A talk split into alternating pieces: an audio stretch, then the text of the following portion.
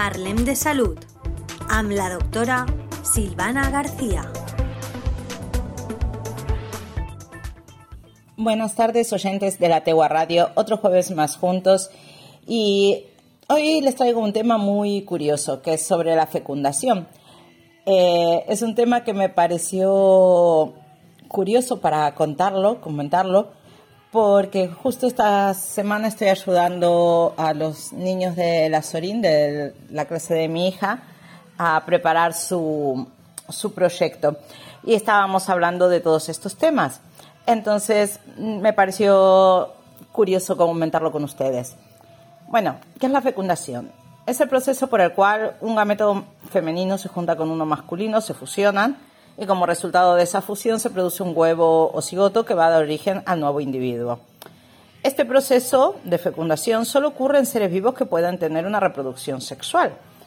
Las hembras aportan sus gametos femeninos u ovocitos, mientras que los machos aportan los gametos masculinos o espermatozoides. Muchas veces los gametos femeninos reciben el nombre de óvulos. Sin embargo, las células sexuales de las hembras son ovocitos primarios, que al dividirse dan origen a los ovocitos secundarios y estas células son grandes y con poco movimiento, que si se fecundan van a dar lugar al óvulo. A diferencia de los ovocitos, los espermatozoides son más pequeños, móviles y se producen en mayor cantidad.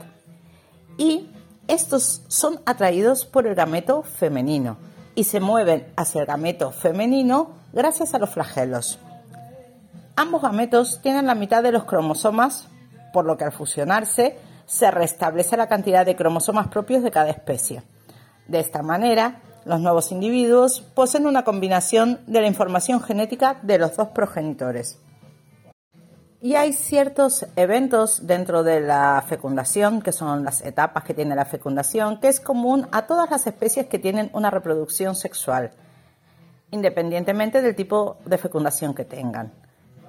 La primera es la capacitación, y es cuando los espermatozoides llegan al ovocito. No pueden fecundarlo en ese mismo instante, sino que hay un periodo en el que ocurren algunas modificaciones funcionales en los flagelos de los espermatozoides que los vuelven capaces de poder penetrar el ovocito. Penetración de la corona radiada. Esta es otra etapa. Algunos espermatozoides logran penetrar la capa de células que rodea al ovocito, llamada corona radiada. Esto es posible gracias a la acción de una enzima que se llama hialuronidasa y al movimiento del flagelo. Otra etapa es la penetración de la zona pelúcida. Los espermatozoides que penetraron la corona radiada se encuentran ahora con una segunda barrera del ovocito, llamada zona pelúcida aquellos que se ponen en contacto con esta etapa, con esta capa, perdón, desencadenan una reacción acrosómica que disuelve la zona esa pelúcida y se fusionan las membranas. En la fusión de membranas, el espermatozoide que atraviesa primero la zona pelúcida entra en contacto con la membrana plasmática del ovocito.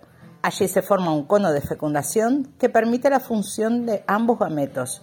Además, se despolariza la membrana y se liberan gránulos corticales que evitan la fecundación del ovocito por otros espermatozoides.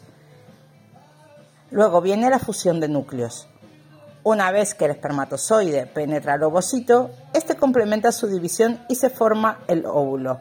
Su núcleo celular se funciona con el de la cabeza del espermatozoide, lo que da origen a un único núcleo diploide, con dos partes de cromosomas.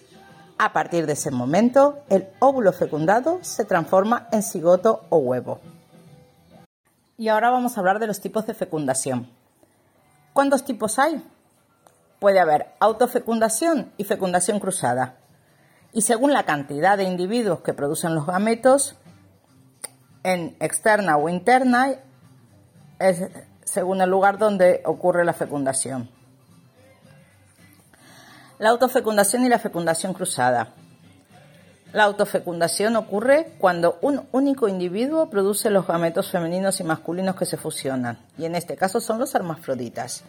Es muy común entre las plantas. Hay otros organismos que también son hermafroditos, como los caracoles, las lombrices, y pueden actuar buscando la pareja sexual y luego pueden actuar como macho o hembra de acuerdo a la situación. Al contrario, la fecundación cruzada Ocurre cuando se fusionan los gametos provenientes de dos individuos distintos. Este es el tipo de fecundación más común entre los seres vivos con reproducción sexual, ya que asegura la variabilidad genética en la población. Luego, la fecundación externa es la que ocurre en el medio exterior, al ser gametos masculinos y femeninos liberados en el ambiente. Se encuentran allí por atracción química y se produce la fusión. Esto se puede dar a veces en peces, anfibios, mmm, poríferos. Se produce una gran cantidad de huevos fecundados a pesar de que no todos sobrevivirán y darán origen a nuevos individuos. En la fecundación interna ocurre en el interior del vientre materno. Generalmente los gametos masculinos se depositan en el interior de la hembra por medio de un órgano copulador y viajan a través del oviducto hasta hallar al, al óvulo o a los óvulos que estén disponibles para fecundar. Este tipo de fecundación es muy común en los organismos terrestres. Reptiles, aves, mamíferos, incluso algunos tiburones pueden presentar este tipo de fecundación.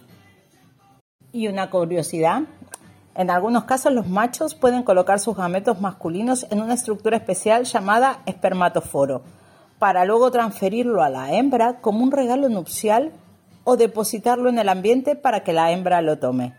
Este tipo de reproducción ocurre en algunos cefalópodos, arácnidos, salamandras o tritones. Por último, las plantas también llevan a cabo la fecundación interna. Los granos de polen suelen ser transportados hacia las partes femeninas de la flor por medios de diferentes agentes como el viento, el agua, y a través del tubo polínico el polen ingresa en el ovario y se pone en contacto con los óvulos. Bueno, espero que les haya gustado. Gracias por estar y compartir. Un saludo hasta el próximo jueves, Silvana.